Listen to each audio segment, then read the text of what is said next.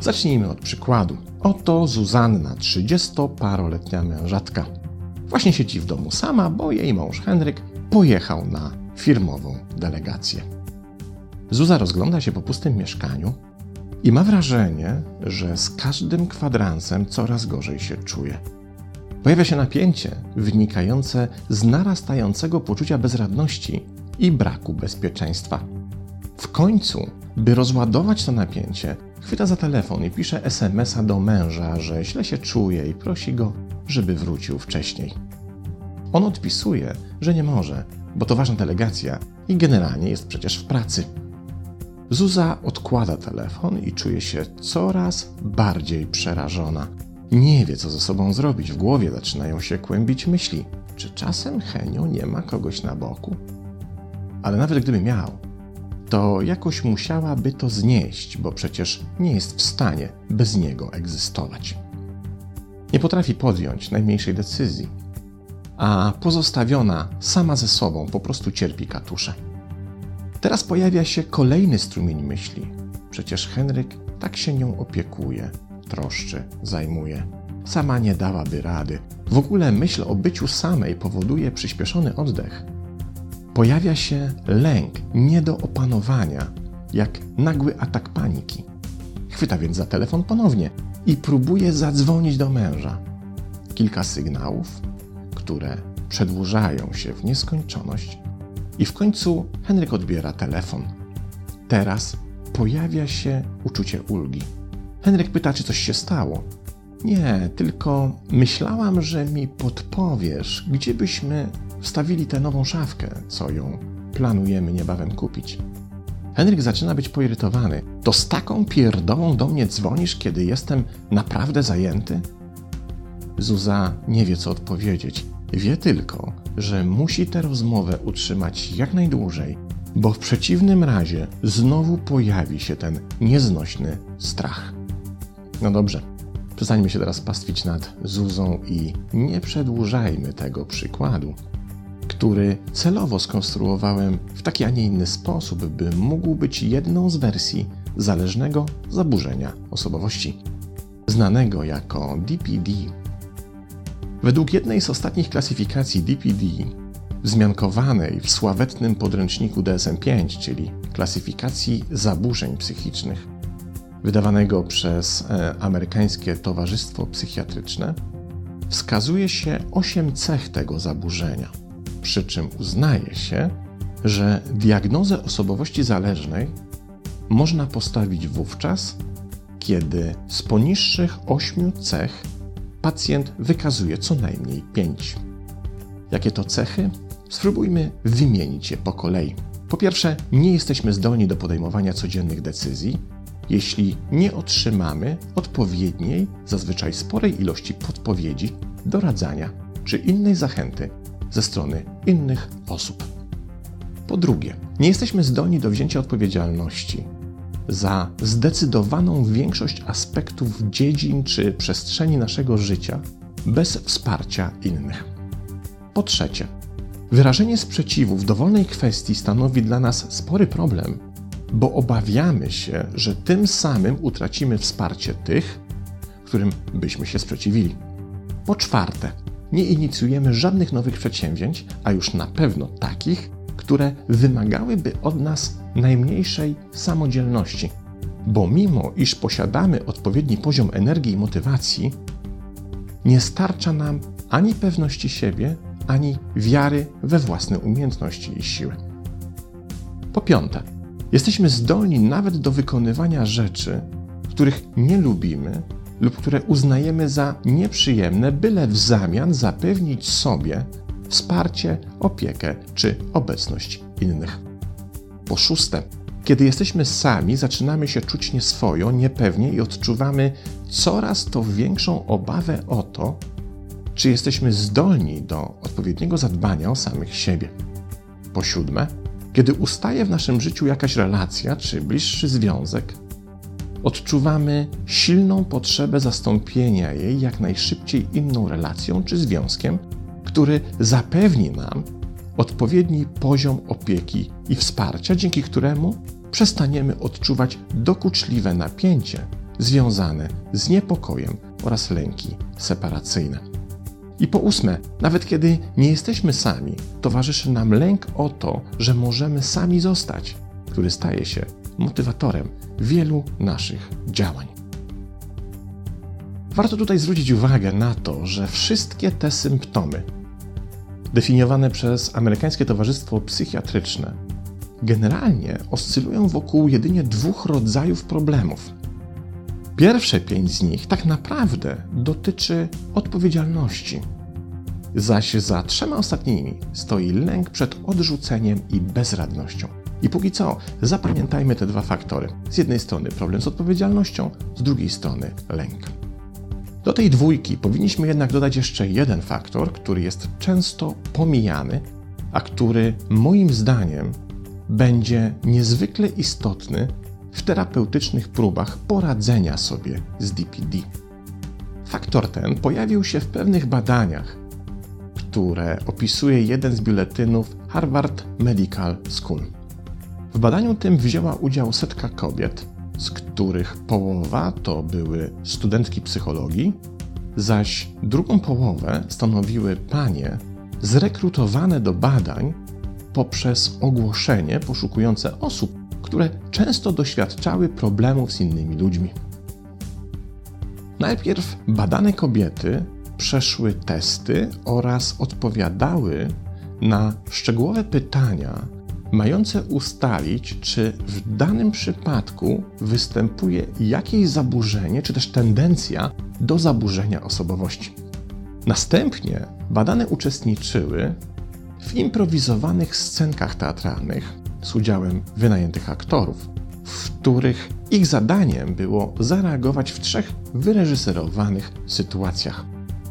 W pierwszej kelnerki, która przyniosła niewłaściwe zamówienie i zwala winę na zamawiającego, w drugiej nękającego przyjaciela, który prosi o udzielenie mu pożyczki i w trzeciej nachalnego sprzedawcy, którego nie można się pozbyć. Okazało się, że w przypadku diagnozy DPD w reakcji na sytuacje relacyjne pojawiała się nie tylko niska asertywność, ale dodatkowa cecha. Otóż wszędzie tam pojawiały się reakcje, których źródłem była obawa o to, czy osoby te będą lubiane. I to kolejny ważny czynnik, którego moim zdaniem zabrakło w klasyfikacji DMS-5. Osoby z zaburzeniem osobowości zależnej odczuwają często sporą obawę o to, że ich sprzeciw, autonomia, samostanowienie mogą spowodować, że inni po prostu będą je mniej lubić. Skąd się bierze DPD? Tutaj im więcej badań, specjalistów i podręczników, tym więcej wskazywanych źródeł. Jedni specjaliści uznają, że ten typ zaburzenia osobowości jest efektem wypracowanych przez nas, a jednocześnie nie przynoszących skutków nieświadomych mechanizmów obronnych. Uznajemy więc, że jeśli to, co mieliśmy nadzieję zadziała, jednak nie zadziałało, nie przyniosło efektów, to wówczas siłą rzeczy stawiamy na to, co wydaje nam się w takiej sytuacji naszym kołem ratunkowym i zachowujemy się tak, by nie zostać odrzuceni.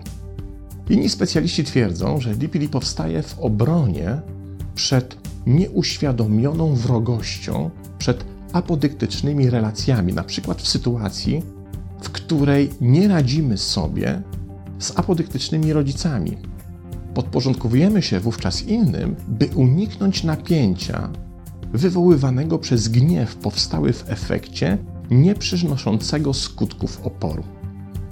Jeszcze inni lokują zalążki DPD w dzieciństwie, kiedy dana osoba w procesie socjalizacji nabywa przekonania, że każda jej samodzielna aktywność jest oceniana źle i grożą za nią konkretne relacyjne konsekwencje. To na przykład sytuacja, w której mały Jaś cokolwiek by nie zrobił na własną rękę, jakiejkolwiek decyzji by sam nie podjął, zawsze usłyszy od rodziców, że uczynił źle, bo tylko jego rodzice wiedzą, jak powinien się zachowywać, co jest dla niego dobre, a co nie, i bez ich udziału nie wolno mu decydować o niczym. Jeśli zaś o czymkolwiek zechciałby decydować, to grożą mu konsekwencje odtrącenia, odebrania uczucia, opieki, zainteresowania i wsparcia. Mały Jaś uczy się więc, że samodzielność jest po prostu nieopłacalna i kiedy zostanie dorosłym Janem, ta nauka stanie się dla niego imperatywem działania, którym myśl o jakiejkolwiek aktywności bez wsparcia innych będzie napawała go lękiem.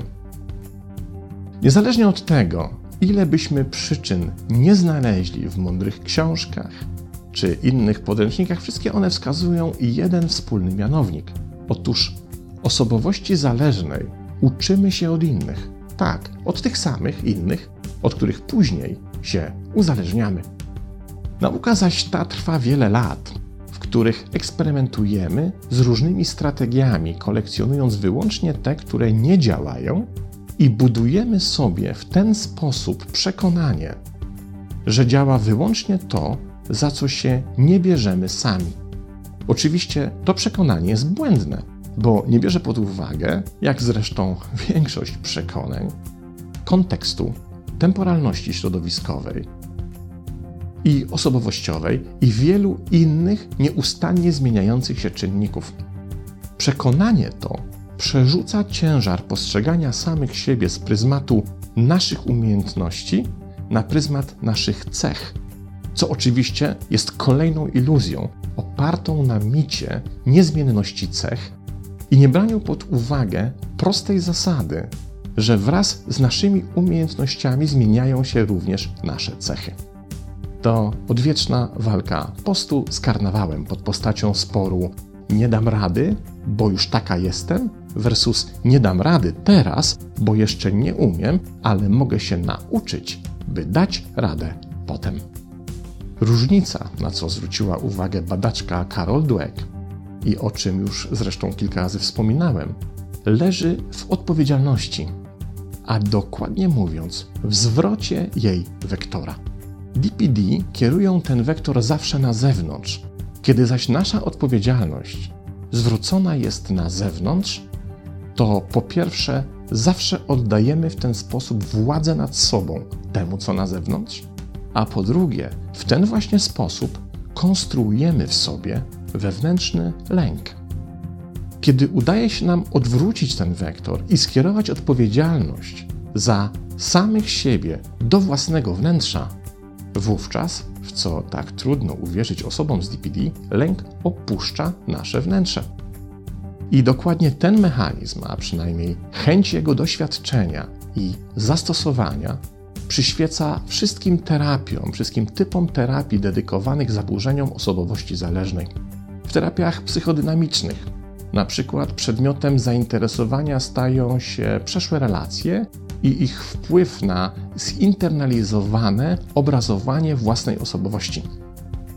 W terapiach kognitywnych w dużej mierze DPD pracuje z demitologizacją i redefinicją przekonań, zaś w behawioralnych usiłuje się osłabić lub zdeprecjonować łańcuchy przyczynowo-skutkowe. W terapii transpersonalnej sięgnęlibyśmy dla odmiany do komunikacji z osobowościami wzorcowymi. Jak widać, sposobów na zmniejszenie objawów lub całkowite pozbycie się DPD jest całkiem sporo.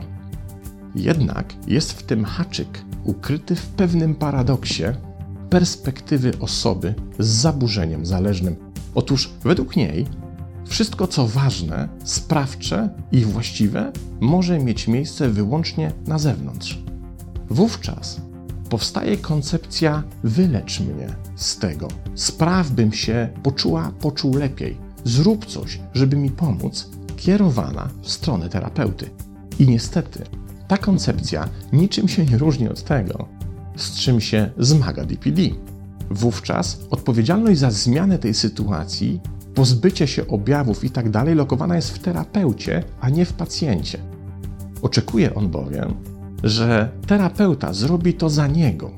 I dopóki ten wektor odpowiedzialności się nie zmieni, nie obróci w stronę wnętrza pacjenta, dopóty jakakolwiek terapia będzie po prostu nieskuteczna. Bo i owszem, DPD uczy się zaburzenia na podstawie relacji z innymi, ale proces nauki zachodzi w nim, a nie na zewnątrz niego. I tak samo musi przebiegać proces oduczania się zależności, zdobywania autonomii, niezależności i sprawczości oraz oczywiście pewności siebie. Wszystkie te procesy mogą mieć miejsce tylko i wyłącznie w nas samych. Nikt nie jest w stanie tego za nas zrobić. Pozdrawiam.